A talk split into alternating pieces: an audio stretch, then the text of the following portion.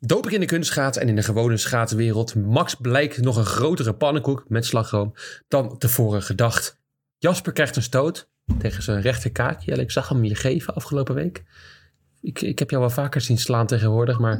Hij kreeg eerder een stoot tegen zijn balletje. Oh, balletje. En die heb jij niet gedaan. En ik zag je erg anders slaan. Jutta gaat fietsen. Niet zo heel hard. En Stefana gaat trouwen met een nietsnut. Heeft onze Max een affaire? Vernieuwt Vettel zijn carrière? Wie neemt zijn huisdier mee? En vrouwenvoetbal op tv? Zijn de renners weer stout geweest? Ja, je hoort het allermeest bij Spaakzaam. Welkom bij Spaakzaam seizoen 2, aflevering 10. Mexico, Mexico. Ja, Jarni, jij wilde afgelopen week naar Mexico afreizen. Oh, ja, Ja, ik weet het nog. En ik heb eh, voor jou even gekeken op ehm https www.nederlandwereldwijd.nl slash reisadvies slash Mexico. En Jarni, ja. die is sinds vorige week veranderd, dit reisadvies. Oh, was hij eerst positief en toen negatief? Ja, ze, ja geldt, eh, nou ja, het reisadvies voor Mexico is geel en gedeeltelijk oranje. Waarom? Wat is er aan de hand? En De kleurcode van het reisadvies, reisadvies van Mexico is grotendeels geel. U kunt naar Mexico reizen, maar let op, de veiligheidssituatie is anders dan in Nederland. Bereid uw reis daarom goed voor. Oranje, Jarni, alleen noodzakelijke reizen. Het is niet veilig om naar oranje gebied op vakantie te gaan. Ga alleen als het nodig is. Bijvoorbeeld voor familiebezoek, een overlijden, ernstige ziekte of ongeval. Of als u voor uw werk ergens bij moet zijn. Wanneer wilde jij naar Mexico? Ik wilde naar Mexico. eh, waarom wilde ik naar Mexico? Ja, Jel, ik ben toch eh, fan van Checo Perez. Is geen andere reden?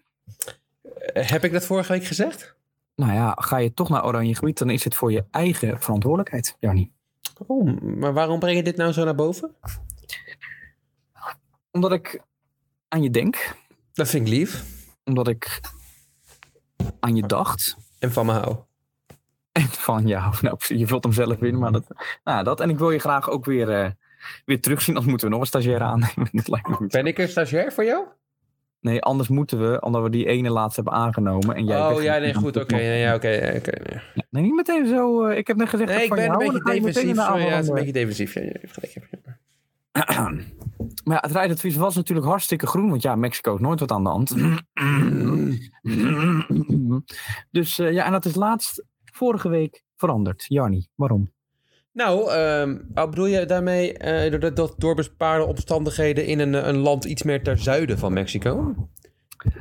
Ja, een Amazonegebied. Tussen bepaalde meren in reisde een circuit op. Met Interlagos? omhoog. Ja, tussen de meren. Ja, maar- helling omhoog. Helling naar laag. ja, ja. Bocht naar links, bocht naar rechts. Dan weer een bocht naar links. Vol rechtstuk, DRS aan. Hard aanremmen voor bocht naar links. Uitkijken dat je niet te veel aan de buitenkant zit, anders ben je hem kwijt. Je rijdt door, rechtdoor. Komt een heuveltje omhoog, bocht naar rechts. Goed bij de curb blijven. Op tijd insturen, de apex zien te halen. Nog een bocht naar rechts. draai je naar links, hè? Ook nog vergeet je die ook weer een beetje. Nee, dan kom je eerst nog een bochtje rechts. Dan krijg je die ronddraaien naar links. Want als je daar te vroeg op je gas gaat, die meteen je achterkant uitbreekt. Dan kom je in een bocht naar rechts uit. Nog een bocht naar rechts, bocht naar links. En dan de laatste bocht naar links om weer het rechte stuk op te gaan. En daar gebeurde iets. Iets opvallends. Iets eigenlijk helemaal niet opvallends. Maar Nou ja, toch is- voor de hele opvallends. Ja. Heb jij een fragment, Jarni? Ik heb een fragment, eh, Robert Dorenbos. Ehm, De- eh, ja, het was een, eh, voor sommige mensen opvallend. Voor mij ook een beetje. Want ik heb in volgens mij twee podcasts geleden gezegd dat ik een bepaalde Nederlandse wereldkampioen in de Formule 1, huidige wereldkampioen, Max Verstappen. ehm, toen gezegd heb volgens mij in de podcast dat hij helemaal niet zo'n lul meer was. Ja, we gingen hem iets meer waarderen, hè? Ja, we gingen hem zeker weten iets meer waarderen. Nou, die Ik bedoel, we waarderen hem natuurlijk al om zijn sportieve prestaties. Maar ook als man zijnde, jongen zijn, jongetje. ja. Man, ja, nou nu niet meer. Maar toen als man zijnde Ja. ging hem ook weer iets meer waarderen. En dat is in één klap... van- eh, ik dacht dat hij, nou man zijn vind ik een beetje overdreven. Ik vond gewoon dat hij iets meer menselijke kwaliteit aan het tonen was. Empathie met de medemens. Ja. Nou, ik denk dat dat kwam omdat hij gewoon vrij weinig zei. Maar hij kwam afgelopen week, eh, toen hij dacht, ik ga weer een keertje de oude Max Verstappen van toen spelen, kwam hij een beetje lullig uit de boord. Ik heb hier een fragment van eh, de teamradio eh geüpload op youtube.com. Ken de website? Niet .be? Nee, ik gebruik .com. Oké. Ik ben internationaal ingesteld. Ehm, die was opgezet eh, met, eh, met de, de, de boordradio die eh tevoren kwam aan de laatste ronde voor Max Verstappen. Een stukje context voor de luisteraar. Max lag voor Checo Perez, zijn teamgenoten, uit de Mexicaanse achterban. Burritootje in de mond, burritootje in de kont. En die, die reed daarvoor. En ehm, de context is, als hij hem voorbij liet, dan kwam hij natuurlijk een paar puntjes dichterbij om tweede in het kampioenschap te wonnen. Wat voor Perez natuurlijk, eigenlijk had hij al tweede moeten staan. Ja, maar dan- kijken naar de context van het seizoen. Maar als we dat even vergeten, hè, Max heeft de mogelijkheid om zijn teamgenoot te helpen. Een teamgenoot die hem in het verleden al veel geholpen heeft. Niet zoveel waardoor hij meerdere kampioenschappen gewonnen heeft, zoals Perez zelf zegt. Maar Tikkeltje overdreven. tikkeltje overdreven. Maar eh, hij heeft de mogelijkheid om te helpen. We gaan luisteren wat Max daarvan te zeggen heeft tijdens de race zelf. Dus hè, adrenaline veel hoog, heel hoog. Hè? Zoals eh, we proberen Max nu al een beetje in te pakken zoals Ja, nee, Ziggo. Sport dat zou doen. Maar laten we even luisteren zonder enig commentaar. Yeah, don't worry about the DRS, Max. Let Checo through. Let Checo through. Max, let Checo through, please.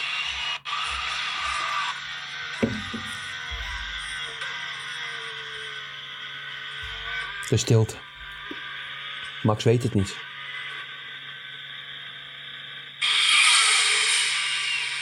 Max, Thanks, what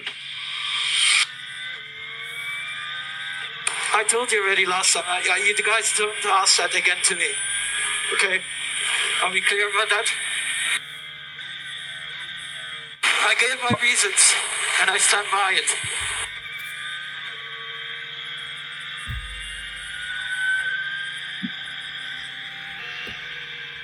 En hij remt af. Hij is over de streep. Into the pit lane, please. Het is ongelooflijk, ja. Ja, die stiltes erin eh, zijn mooi. ehm, ik ga er bijna heel rustig van praten. En ehm, ik heb erover nagedacht, Jarni. En het, ik zat natuurlijk via Play te kijken. En ik had natuurlijk zin om de mening van Tom Coronel hierover te ja. En zodra je weet wat iemands mening gaat zijn voordat hij of zij die, die mening heeft uitgesproken, dan is het vaak geen goed nieuws.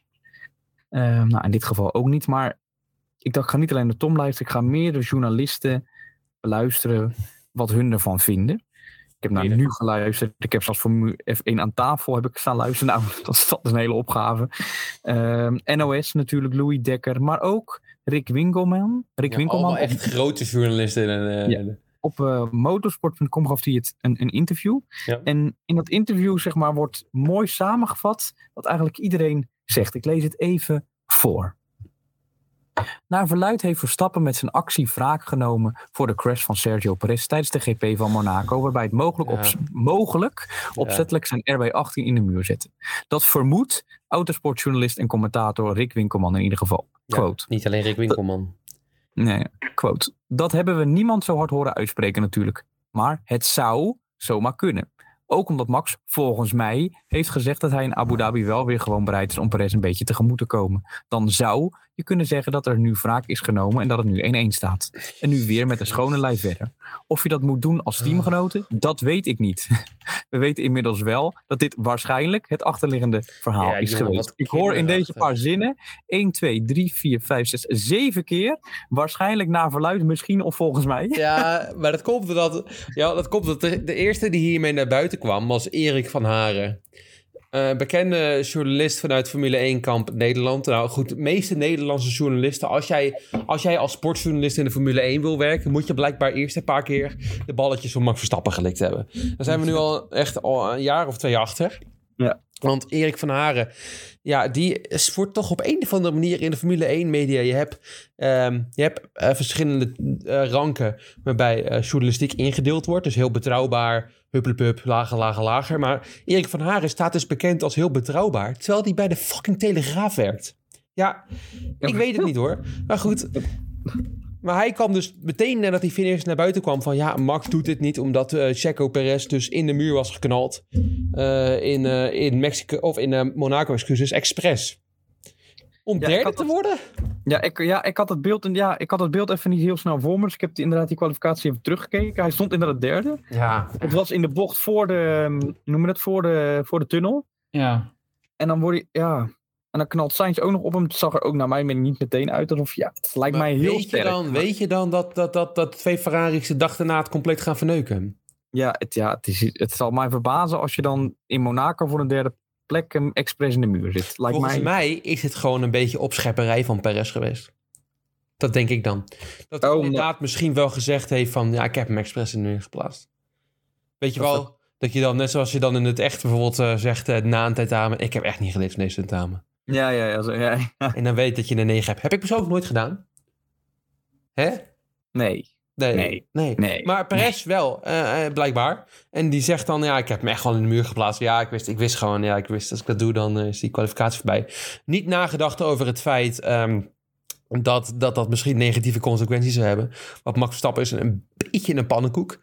Eh, maar goed, dat is pas in het patroon. Want Checo heeft in dit weekend in het algemeen niet nagedacht. Want de dag daarna had hij gewonnen en zat hij te ketsen met een andere vrouw die niet zijn vrouw was.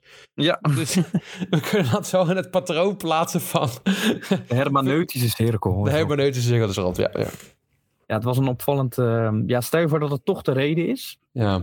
Dat het toch het zwarte boekje, zoals Tom Coronel wordt noemt. Ja, het is gewoon 1-1, zo is Max nou eenmaal. Maar houd toch op. Ja, en, maar stel je voor dat het toch die reden zijn, dat Max boos zou zijn, dan is het wel heel kinderachtig dat het wekenlang, maandenlang geleden is. En dat je dan een vijfde positie, lag hij volgens mij, vierde of vijfde? Hij lag Niet volgens mij zelfs zesde. Ah, Of, en eh, nee, die vijfde en zesde. Ja, ja, ja, ja, vijfde en zesde. En dat je die positie, het gaat geen eens om een podium, het gaat om helemaal niks. Het gaat om twee punten. Ja, dat je die niet aan Perez wil geven. Terwijl je zelf al lang weer het kampioen bent en vijfde wordt in de race. Ja, voor mij is het lastig, want ik weet dus te plaatsen. Ehm, ik zie beide realiteiten wel waar zijn. Eh, ik zie het inderdaad wel gebeuren dat Max inderdaad om te houden heeft dat Perez bijvoorbeeld het tweede koffiekoekje pakte tijdens de, bij de, tijdens de briefing en toen dacht, eh, Ja. ja, godverdomme, koekje. mijn koekje. Maar ik zie Nou, ook ik wel gebeuren dat hij bijvoorbeeld zegt, ja, vijfde of zesde, ik ga mijn teamgenoot niet voorbij laten, want het zal mijn flikker wezen. Ja, nou ja, het ik is zou ook gewoon een lul. Ja, dat, ja, mijn eerste reactie was ook, ja, het is ook wel vier seconden, dus je moet wel echt heel erg stilstaan. Maar ik zie Perez een beetje, ik denk dat je het zo voor je moet zien. Hè? Hm. Wij kennen het wel. Ja. Je doet oversnacks in de oven. Of in de airfryer, of weet ik veel wat. Dan heb je tien snacks, ja? Ja. Jij neemt er één, ik neem er één, Freek neemt er één. En uiteindelijk blijven er twee over. Twee Wel- over. welke twee, mag ik vragen? Ik denk in ons geval twee bitterballen. Dat vinden we Nou, bitterballen blijven niet zo snel. Ik denk eerder dat, ehm, dat die... Nee, je hebt misschien wel de bitterbal, ja. Nee, maar Ja, ik denk dat die- die Ja, de kip- kipnuggets kip- gaan altijd weg. Ja, de, De, bami mini gaan weg. frikandelletjes blijven ook wel vaak liggen, hoor. Nou, laten we zeggen één bitterbal en één ehm frikandel. Of Mexicano's in dit geval, je weet het niet. Hoe lekker. Kijk, en dan, je bent dus niet de grootste lul als je de laatste pakt. Maar je bent eigenlijk de grootste lul als je de één na laatste pakt. Want dan weet je dat je het diegene daarna moeilijk maakt. Omdat je die dan de laatste moet Ah, pakken. ja, ja, ik denk dat het zo is gegaan, ja. En zo is het gegaan. Ja, Precies, een hele ja. mooie metafoor. Dankjewel. Zo is het gegaan. Ik zie de titel van deze podcast nu al voor me. Max pakt bruin fruit van Jaco Perez af. Precies dat. Ja, Gefrituurd, gefrituurd bruin fruit. Mooi gezegd, ja. Ik denk dat jij inderdaad helemaal gelijk hiermee heeft. Ik wil Eh. Wie ook... nog wat? Nee, ik wil eigenlijk Oh, oh, even voortgaan naar een mooi bruggetje. Want ik zie bruin fruit, zie ik wel... ehm, ik vind, zie ik wel een mooi bruggetje. Ja. Want eh, over bruin fruit gesproken, Stefano Cox. Ja.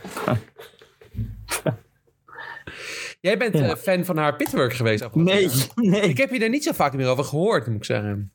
Nou weet je, ze is er ook al een paar keer niet geweest. Ik weet niet wat daar dan de reden voor is. Ja, misschien de reden die jij nu gaat noemen. Ehm, ja, ik vind Stefane niks. Nee, dat, ehm, Ja, ik dacht eens dat ik, eh, dat ik leuk nieuws te noemen had, Jel. Ik dacht dat ik gelezen had. En ik, ik, ik ben toch niet gek. Ik heb het jou laten zien. Ja. Dat ze zou gaan trouwen met Danny van Poppel.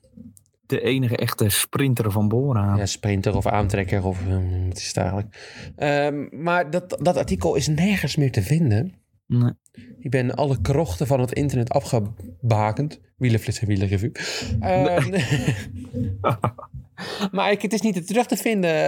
Het enige wat ik kan vinden is een interview van Danny van Poppel van ehm, negen dagen geleden. Dat hij eh, als lead-out heel tevreden is en gelukkiger is dan ooit. En dat hij nooit Ja. meer terug wil. Terwijl hij eigenlijk misschien wel de beste sprinter van Bora was dit jaar. Nee, Sam Bennett toch? Als ik, ehm, als ik eh paddelijk te ver voor mag gelopen, heeft Sam Bennett, eh, is Sam Bennett een gigantische lul en ligt hij over alles. En, eh, Nou, ja, eh, en dat zegt Patrick dan ook al met een, een glaasje rood of drie in de hand. Hè? Laat ik het ook wel ja, even ja, dat moeten we ja, eerlijk over zijn. Ja, nee, goed. Ja, hij, hij zou dus trouwen met uh, Stefano Cox, maar dat huwelijk lijkt toch een beetje nu al de Noordzee in te vallen. Want het artikel is overal verwijderd. Dus één van de twee heeft de bel aan de bel getrokken. Ja, ik denk toch dat je als man zijn, zoek je toch een beetje, ja, hoe noem je dat? Allebei, zeg maar, in een relatie heb je natuurlijk tegengas een beetje nodig. Een beetje wrijving. Een beetje spanning. Ja, dat zit niet in Stefano Cox. Nee, denk je niet? Denk niet dat, dat, dat zij Nou, de spanning juiste, zeker niet, nee. dat zij de juiste kritieke vragen stelt? Het is niet als Jack die dan vraagt, eh, die dan, als ze een potje seks gehad hebben, die dan gaat. Ja, Ja, maar, ja, Danny van Poppel, je bent klaargekomen. Ja, maar kijk, Jarnie, dan zou ik nog... Kijk, stel je voor, hè. Ik bedoel, jij hebt een vriendin, dat weet. En jij zit, jij Ja, houdt van moet de luisteraar wel een beetje in de spanning houden. Hè? Hebt misschien. Nog ik heb, weer, ik heb weer een metafoor. Oh, sorry. je date met iemand. Hè? Laten we het spannend houden. Hè? Ja. Kijk, iedereen weet, jij houdt van pannenkoeken. Oh, heerlijk. Mijn favoriete eten. Ja. En jouw vriendin die maakt pannenkoeken voor je klaar. En elke, Volgende keer als, ze dat, ja, en elke keer als ze dat doet, Jarnie, stelt ze de vraag... Vind je het lekker? Oh ja, dat is. Ja. Dan word je daar helemaal knettergek van. En dat gaat Stefane ook doen, want die is ook een open deur in trappen. ja. ja en dat En Danny zijn van we- Poppel wil geen pannenkoeken, Jarnie. Ja, die wil patat. Die wil gehaktballen over ballen gesproken. Stel je voor, Ja, Je moet nog- bruggetjes maken. Ja, dankjewel, dankjewel, dankjewel. Je moet, stel je voor, Jarni, weer Ja. metafoor. Ik ga weer helemaal beeldetje in. Hè. Ik moet het, Jij ik moet wel even zeggen of het een metafoor is, anders moet ik weer Het is een metafoor, ja, het is weer een metafoor. Ja. Jij staat daar op je mountainbike. Ja, dan moet ik even terugdenken in de tijd. Ja, je hoeft nog maar één wedstrijd te winnen in het kampioenschap. En dan word je alweer Noord-Hollands kampioen. Ik zou even terugdenken, ik zou even terugdenken aan 2008. 2008, ja precies. Je hoeft nog maar één wedstrijdje te winnen. Alle andere favorieten zijn uitgeschakeld. Alleen de nummer 30 staat, moet je nog, moet je nog Nummer inhalen. 30 nog. Ja, de nummer 30. Nou, makkie. En jij denkt het lukt wel. Maar het lukt je niet. Wat? Mij? Het, lukt, het is je niet gelukt. Oh, En die pijn, Jarni, die pijn, kan je het je voorstellen, Mm. heeft de gehele bevolking van Zuid-Afrika. De hele bevolking van Zuid-Afrika. De Iedereen die woont. Ook Lesotho en Eswatini tellen die ook mee? Iedereen. Ja, er hoeft er nog maar één wedstrijd in het w op het WK cricket. En als ze die wonnen, dan zouden ze naar de halve finale gaan. En ze moesten alleen nog maar tegen kikkerlandje Nederland. Wat, nou ja, geen cricketland is. Ja, maar is Zuid-Afrika een cricketland? Ik bedoel, we hebben allebei, laten we zeggen, de, de- dezelfde heerser gehad. Laten we het even nou ja, het, het land met cricket is natuurlijk India. Maar Zuid-Afrika Ja. kan er ook zeker wat ja, van. hoor. Engeland, toch? Ja. Ja, maar ja, we kunnen ook, maar ja, Nederland won van Zuid-Afrika. ja, en terecht. cricketcrisis wordt het ook wel genoemd. In Zuid-Afrika. Ja, ik weet dat ze daar ook wel meerdere crisissen hebben. Zo mogen ze bijvoorbeeld na tien uur 's avonds volgens mij het licht niet meer aan hebben staan. Dat er dan elektriciteit eh, tekort zou komen. Dus ik denk dat ze daar wel wat meer problemen hebben dan in de cricketcrisis. Maar ja, cricket is natuurlijk een, een plek om zichzelf te verheven. Om, om emoties te voelen die je normaal gesproken niet zou hebben. En wij als Nederland pakken dat weer af als koloniale... Ja, erg hè? Ja, het is vreselijk. Dramatisch, ja. Het is vreselijk. ja. Ja, over koloniaal gedrag gesproken. Louis van Nee. Gaal. We gaan naar het WK in Qatar opbouwen. Vorige week hebben we het er al even over gehad. Ja, wij zijn eh, groot voorstander van Qatar. ik, eh, jij wilde dit zeggen, ik ga je niet. Ja, nee, goed. Ja, ik bedoel... Nee, natuurlijk niet. Maar eh, Louis van Gaal is... ze hebben, bij de Nederlands elftal hebben ze hele leuke dingen bedacht. Zo is, zijn ze afgelopen week in het nieuws gekomen dat ze... wel eventjes gaan praten met een bepaalde buurt waar arbeiders wonen in, in Qatar. Om daar dan even mee te babbelen. Want dan kreeg je natuurlijk echt geen gekleurd antwoord terug van mensen die daar werken en onder, onder media aandacht moeten gaan antwoorden. Ja, het is toch dramatisch. Ja, het, ja. Het is een heel dom idee. Het is een, het is een lief en schattig idee, want je weet dat het van die voetbalbond zelf komt. En het zijn allemaal niet de slimste mensen. Ik bedoel, we hebben, we hebben Frank de Boer gezien, die compleet fan is natuurlijk van Qatar. Ja, Ronald. Ronald ook natuurlijk, ja, allebei. Ja, je krijgt ze alle, als je eentje neemt, krijg je de ander met korting. Hè, het is, ja. Eh, eh, maar Louis, eh, Louis was wel weer in vorm afgelopen week. Hij heeft een leuk interview gegeven in de, in de Engelse media, wat hij natuurlijk altijd doet. We kennen natuurlijk Louis natuurlijk van... eh, I, I give you a cookie of own dough. Altijd mooi. uitspraak geweest bij, van- bij, bij United. En natuurlijk, Louis van Gaal Army. Louis van Gaal Army. ja precies, ja, ja. Maar hij kan zo mooi uit de to hij- in, het, in het Engels kan hij, hij, hij heeft die taal als geen ene onder controle. En hij gaf weer een prachtige interview. Laten we even luisteren om toch een beetje Qatar vrolijk te houden, hè? I believe that we are we don't have the best uh, players on earth in our team, but I believe in team building and in tactics, and I believe that we can come an end, but we need also luck. That is also important. And because of that, and because of I believe in ima- imagination, I speak about to be the world champion at the end of the tournament. Ja, de ambitie is hoog.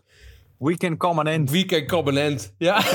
Mooi. het, is, het is zo mooi hoe die Nederlandse spreekwoorden direct kan vertalen. Het is heerlijk. Ja, weekend covenant. En hij gelooft in, het, eh, in dat we met Nederland wereldkampioen kunnen worden. Ik heb meerdere interviews gezien met andere spelers.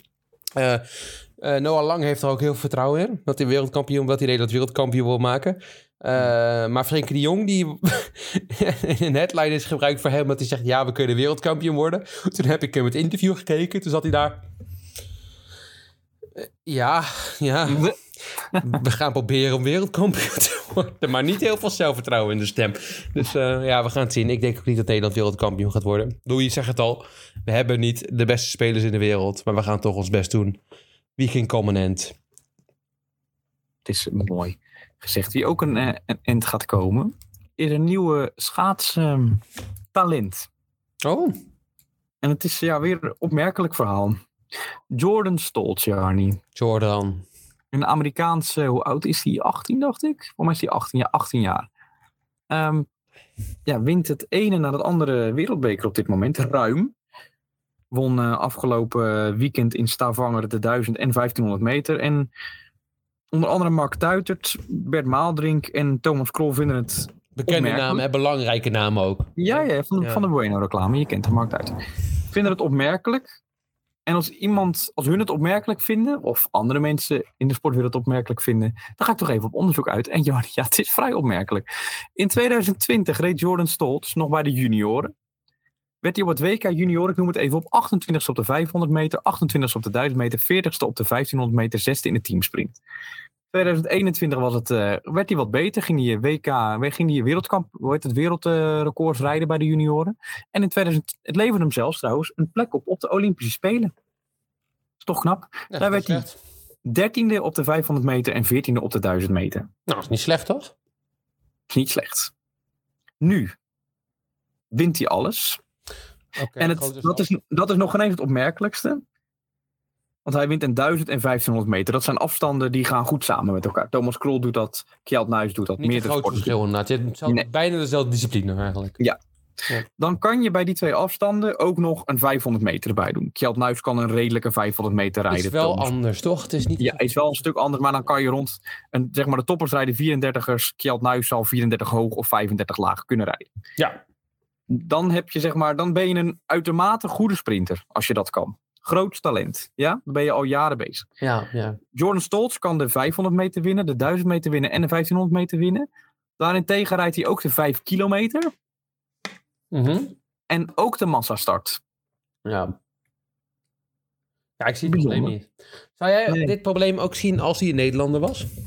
Ja, ja, nog meer denk ik. Ja, nog meer. Ja, in Nederland hebben we natuurlijk ook een beetje een dopingprobleem met schaatsen. Ja, ik, wil, ik heb het Ja, helemaal niet over doping gehad, ho. Oh, sorry. Nee.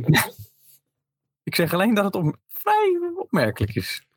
Ja, ik moest meteen denken aan een... ehm, ik, ik heb een periode in mijn leven schaatsen gekeken. Een donkere Ja. periode van mijn leven. Eh, toen ik, denk ik, van 6 tot 8 was ongeveer. Nee. En toen was er een eh, andere schaatser in... eh Amerikaanse schaatser goed. Hoe heette die gast ook alweer? Johnny Davis? Volgens mij is het Johnny Davis. Ja, ja. Shawnee, sorry, Shawnee Davis. Ja, ja, ja, ja, die was... Ja. eh, ja. Ja, maar dan nog even de tijden van Jordan Stoltz. Hij wint dus de 1500 meter, zoals ik al zei. Ja. In een tijd van 1.44.89. De nummer 2, Connor Howe, 1.46.65. Dat is Wow. ruim twee seconden Dat is heel veel verschil. Het, Jordan Stolz won 1000 meter 1.873. De nummer 2 Laurent Dubrui 1.922. Zijn, eh, ja, het is eh, knap. Heel knap. het zijn imponerende tijden, laat ik het zo even... Eh, nou ja, voor, in vergelijking met hem. Ja, hij komt uit het niks. 18-jarig talent. En hij heeft volgens tijd knetterhard getraind. En wij moeten onze, ja, hoe noem je dat? Achter je oren krabben. Is dat niet ook een beetje zoals het gegaan is met die Niels van der Poel? Ja.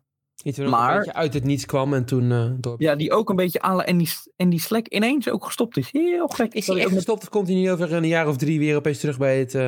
Dat zou zomaar kunnen, maar hij wilde nu gaan hardlopen volgens mij. Maar hij was toen natuurlijk ook in verband gebracht met bijzondere coaches. Ja, dat hebben we toen ook al met de podcast gedaan. hè? Ja. Ja. Maar ja, dat verschil nog. Hij kon twee afstanden heel goed. Wat meerdere schaatsers hebben. Hij kon het dan extreem goed, maar toch twee afstanden. Deze jongen kan vijf afstanden bijzonder goed. Ja, dat is toch. ehm, Voor doping gesproken, ik heb nog eventjes uit geheugen een extra item toegevoegd aan ons nieuwsblokje. Dus we gaan nog eventjes langer door. Oké, nou gaan we dan maar gauw, voor- ga dan maar gauw voor, door naar een echt dopingverhaal. Ja, nou ook niet echt, want het is nog niet echt gebeurd. Maar ehm, echt gebeurd. nee, ze willen het doen. WADA wil Valieva schorsen. Tot Ja, maar ze heeft wel echt gebruikt. Ook al iets heeft ze zogezegd niet zelf Ja, maar gedaan. Jels heeft wel gehuild. Oh, ja, dat, dan, ja, dat is wel zielig. We Hè? herinneren het allemaal nog goed. Afgelopen Olympische Spelen is gegaan. Ik was het verhaal eigenlijk op, oprecht weer vergeten. Ik wist echt niet wie dit Ik was. kwam er toen zelf mee op de Olympische Spelen. Ja, ja, ja, klopt. Maar toen, toen ik het kopje weer zag, dacht ik weer, oh ja, die aansteller. Want Nou, nou, ja, nou, ze pakte toen goud met Rusland op die Olympische Spelen, afgelopen periode, met het kunstschaatsen. En toen werd ze geschorst. Nou, Ja. maar toen mocht ze dus alsnog meedoen. Met de, en toen kreeg ze sympathie met de hele, hele wereld over zich omdat ze minderjarig was. En Omdat ze zeg maar, minderjarig was. onderdeel precies. werd van het systeem waar ze niks aan kon. Ja, waar oprecht ook wel een punt in zit. Want ik denk dat zij daar ook vrij weinig aan kan doen. Ik denk dat ze ook heel veel talent heeft. En als zij dit bijvoorbeeld zou doen in... Welk, welk land is nog meer goed in kunstschaatsen? Letland? Eh, Amerika, Japan. Japan. Zelfs was Japans. Eh, qua lengte kon ze ermee overheen. Dan, dan had, ze, eh, had, ze het, eh, had ze het waarschijnlijk... Was ze waarschijnlijk geen doping gebruikt. En had ze misschien toch ook nog wereldkampioen geworden. Want er zit heel veel technische kracht in, in dit spel. Maar goed, ze ging alsnog een beetje janken. En iedereen was een beetje aan haar kant. Maar nu wilde Wada zich toch eventjes erop loslaten. En wil ze... ze ja, let op joh. Schorsen tot na de volgende Olympische Spelen. Maar ze is natuurlijk 15, dus ja... Dat is een lange tijd hoor. Als je dan echt moet stoppen. Ja, maar als je, staatsgespon- als je staatsgesponsord bent, ja. Blijf lekker Ja, doortrainen, zou ik zeggen. Ja, maar dan heb je toch dat wedstrijdritme heb je niet hè. Je mag, je mag het alleen niet meedoen met, eh, met Olympische dingen. Je mag het ook gewoon meedoen met andere shit. Nou, dat denk ik. Als je echt geschorst wordt door het water, mag je ook geen wereldkampioenschap Ja, rijden. Ja, wel met de Rusland. De. Russische kampioenschap mag je wel meedoen, denk ik. Russisch kampioen. Elk ja. jaar. Nou ja, probeer dat maar te worden. Ja. Er zijn genoeg andere tieners die daarvan op de sterrenwieten zitten rond te handelen. Dus ja, Wie zeker geen tiener meer is, Jarni, is Mhm. vijfvoudig wereldkampioen Dick Jaspers. Dickie. Dickie Jaspers, drie banden, biljarten, alles kan die. Maar hij verloor van Typhoon Tashmedir. Typhoon De Tashmedir. Waar komt, Turkse. eh, waar komt Typhoon? Oh, Turk. Nee, je moet tegenwoordig zeggen... Oh nee, Zuid- Zuid-Korea. Oké, sorry. goed. Ik wilde net een verhaal over Turkije ophouden. Want mensen zijn tegenwoordig boos, hè? Eh, nee, het is wel een Turk. Ja? Hij verloor in Zuid-Korea van de Turk Typhoon Tashmedir. Wist je dat eh, Erdogan tegenwoordig boos is? Want eh, in Engeland zeggen ze Turkey als Turkije. Maar dat wil hij dus niet, want dan, dan denk ik dat, dat de wereld dus Kalkoen. denkt aan kalkoen. Dus wat Ja. je eigenlijk moet zeggen is Turkije! Maar kalkoen is wel lekker, denk ik. Ik heb het eigenlijk nog En het is bij... Nee, ik heb, ja, ik heb altijd kalkoenfilet, brood, maar het is voor mij heel droog vlees. Turkije! Oké, nou. Ja, pijn in het hart. Eh, ja, het kwam er gewoon niet uit. 50, 47 verloor hij. En daarmee kan hij dus niet zijn zesde wereldkampioenschap pakken. Ja, het is... eh, ik had het niet verwacht.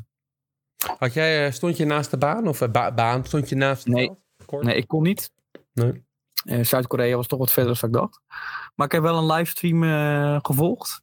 Ja. Maar raakte die, die, die, ja, die, die, die ballen gewoon niet lekker. Ja, dat kan. Hij kreeg dat effect er niet in door al die drie banden ballen te raken. Ja, Wanneer, Nou, is de, wanneer is de volgende grote wedstrijd? volgend jaar. Turkije!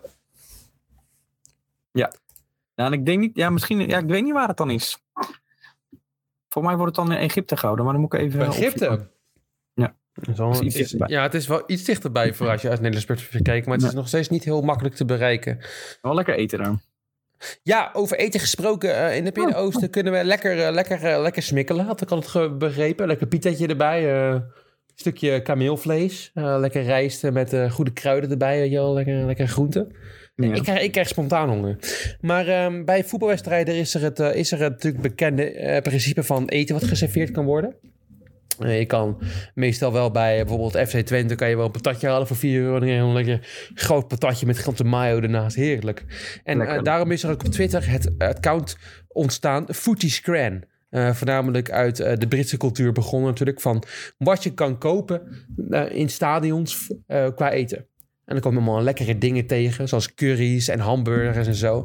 Maar de eerste, het eerste wat er al van dit week, deze week naar boven is gekomen, wat je kan kopen in Qatar, bij de wedstrijden, is er naar boven gekomen. En het is niet echt iets om vrolijk van te worden. Ik ga even mijn scherm delen. Het is een Griekse salade.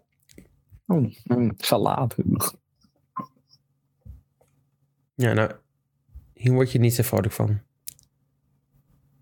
Ik zie alleen maar sla in. Ja, je ziet het natte slaapblokjes met een beetje komkommer en tomaat. Maar, en een olijfje hier en daar. Maar het ziet er niet heel vers uit. Nee. 9 pond. Dus eh, Oh. ongeveer 11 of 12 euro. Ja, ik heb even de, eh, het commentaar eh, van een Griekse, Griekse commentator en komiek eruit gehaald. Die zegt: This is the worst human rights atrocity committed by Qatar to make this World Cup happen. Goh. Erger is er niet dan deze Griekse salade. Nou, het is wel duur. Het is ongelooflijk duur en je krijgt er niet heel veel voor terug. Dus dat kan je dus vreten als je er lekker een, een week... eh, Dus ga ik ook doen als ik lekker een, eh, een week eh, voetbalpotje aan het kijken ben. Dan ga ik lekker een saladetje eten en een glaasje water. Hè, lekker erbij. Goed idee. Lekker, ja. Argentinië. ja, Argentinië voor jou denk ik. Ja, Argentinië wordt wereldkampioen. ja nee ja. Ik heb ze in de finale gezet tegen Portugal. Ja. Dat was voordat het nieuws naar buiten kwam dat Ronaldo... Maar, Mm. Mhm. Maar eh, dat gaat het worden. Nu ook graag van jullie horen. Voornamelijk van Freek. Maar eerst van Jarni dan. Wie er wereldkampioen gaat worden. Uruguay. In de finale met tegen. Eh, dan moet ik natuurlijk even kijken wie er natuurlijk tegen elkaar aan zou kunnen komen. Dat heb ik nog niet gedaan. Ik heb morgen, morgen ga ik een pool met veel aandacht eh, invullen. Oké. Eh, dus ik ga nu eventjes er als een leek in en ik zeg in de finale tegen ehm, Duitsland. Duitsland Freek. Ik zeg Nederland, Duitsland finale. Duitsland wint van Nederland met eh 5-0. Zo, 5-0. Oeh, dat is Tegen. Virgil van Dijk. Nou, ik weet het niet hoor, maar goed. Ja, maar ja, Kijk, Nederland- ik ben het met één ding eens met Freek. Die nul aan de Nederlandse kant, die blijft staan. Maar Nee. Nederlands goes to the end. wie kan komen end? Absoluut. Wie Ja. come end. Ja, nou wie er in ieder geval ook een einde gaat komen is eh, het Nederlands vrouwenelftal. Die heeft de afgelopen week... eh, Enthousiasme. ja, goed, IL. Mijn, mijn Google-app, weet je hoe Google wel af en toe een melding kan, pushmelding kan plaatsen van dit, deze Ja, ja. voetbalwedstrijd aan de hand. Ik kijk eh, echt, elke keer als het Nederlands vrouwenelftal speelt, zegt hij, hey, kijk even mee. En dan kijk ik ernaar en dan denk ik, ja, ze winnen inderdaad. Van Denemarken en Costa Rica. Je hebt natuurlijk al gezegd, ja, Costa Rica is een lastige partij. Ja. Maar dat was niet uit. Het was, eh, was thuis. Dus eh, Ja, maar ik, had, ik zei natuurlijk dat Costa Rica uit heel goed speelt. ja, dat viel een beetje tegen, toch? En Denemarken, die is natuurlijk echt die muur die we nu kunnen zetten. Tikkie, Deens Tikkie Takkie heeft dat nog eh, gewerkt? Nou, ehm, het was net zo vlak voetbal als dat het land is. Laat ik het zo zeggen. Ja. Dus, eh, Maar ja, Denemarken kan vaak hè, dingen overbruggen. Maar ook dat hebben ze niet gedaan. Nee, ze hebben geen bruggen geslagen, maar Jutta wel. Schaatsers. Fietsen. Punt. Leerdam fietst zelfs zo hard dat haar coaches en zij stiekem nadenken om het wat serieuzer aan te pakken op de fiets. Niemand minder dan André van der Ende, onze favoriet Jarni, onze favoriete redacteur, heeft dit geschreven. Hij heeft het overgenomen van het NRC, moet ik het goed zeggen. Deze zomer, Jarni, Ja, deze zomer. Schaatsers trainen vaak op de fiets. Een beetje dezelfde eh, spieren span je dan aan. Train je Ja, daarmee. dat klopt. Ja. Vooral in de- zomer, ja. Ja, en op de drie kilometer, ja, dat kan natuurlijk niet schaatsen, op de drie kilometer verpulverde Jutta Leerdam, die eh, ja, vind ik altijd toch net iets te veel eh, make-up op, hoe heet dat, oogschaduw opdoet. Ja, Maar ik ook, maar ik vond het er voor de rest wel heel knap. Moet ik echt, moet toch even gezegd hebben. Ja, ja ze is toch een beetje, ik vind het toch een beetje te veel het Barbie-popje van de schaatswereld. Maar dat maakt niet uit, dat, dat mag. Dat mag ze van houden. Op de drie kilometer verpulverde het record van niemand minder, ja, dan noem je even een naam, Laurien van Riesen. Ja, Laurien Vriezen. Ja, dat is ja. En dan denk je, Laurien van Riesen, schaatser geweest, prima schaatser. Baanwielrenster nu op dit moment. Dus dat, die drie kilometer, dat is stop dat je dat verpulvert. Alleen die drie kilometer zetten zij neer toen ze nog geen baanwielrenster was. Laurien van Riesen ziet er nu heel anders uit dan toen ze schaatser was. Die benen zijn natuurlijk gigantisch dik nu, omdat je... Ja, en Jutta heeft nog niet zulke dikke benen, Jarni. Nee, daar moet je baanwielrennen weer hebben. Moet je dikke poten voor Hij hebben. moet echt grote, dikke bovenbenen hebben. En de coaches, onder andere haar oud-coach Poltavec en ook haar huidige performance coach, zien het wel zitten dat ze zowel schaatster wordt als baanwielrenster. Maar ja, ik denk dan dat er toch iets meer moet gebeuren. Laat haar eerst maar een keer echt constant goed presteren in de schaatswereld op wereldniveau. Interessant, Jo. Ik, eh, ik moet zeggen Dank dat ik tegenwoordig... eh, Ik vind lief dat je dat, dat je dat dan leuk, dat je dat dan, als ik dat dan vertel, dat je dan toch dat, dat je dat interessant vindt. Nou, ik vind alles wat je zegt interessant. Hè? Laat ik het Ja? goed gebracht hebben. Ja, nee, goed. Maar ik zeg het niet Oh. altijd. Maar soms dan moet je het toch even gezegd hebben. Ja, nee, ja, leuk. ik had niet verwacht dat je dat bij schaats had dat, ja, leuk. En nu Ja. Jutta Leerdam zegt... Ik ben tegenwoordig wat meer in, eh, into de vrouwenveldrijden weer. Oh ja, was ja. helemaal out of the veldrijden sinds eigenlijk...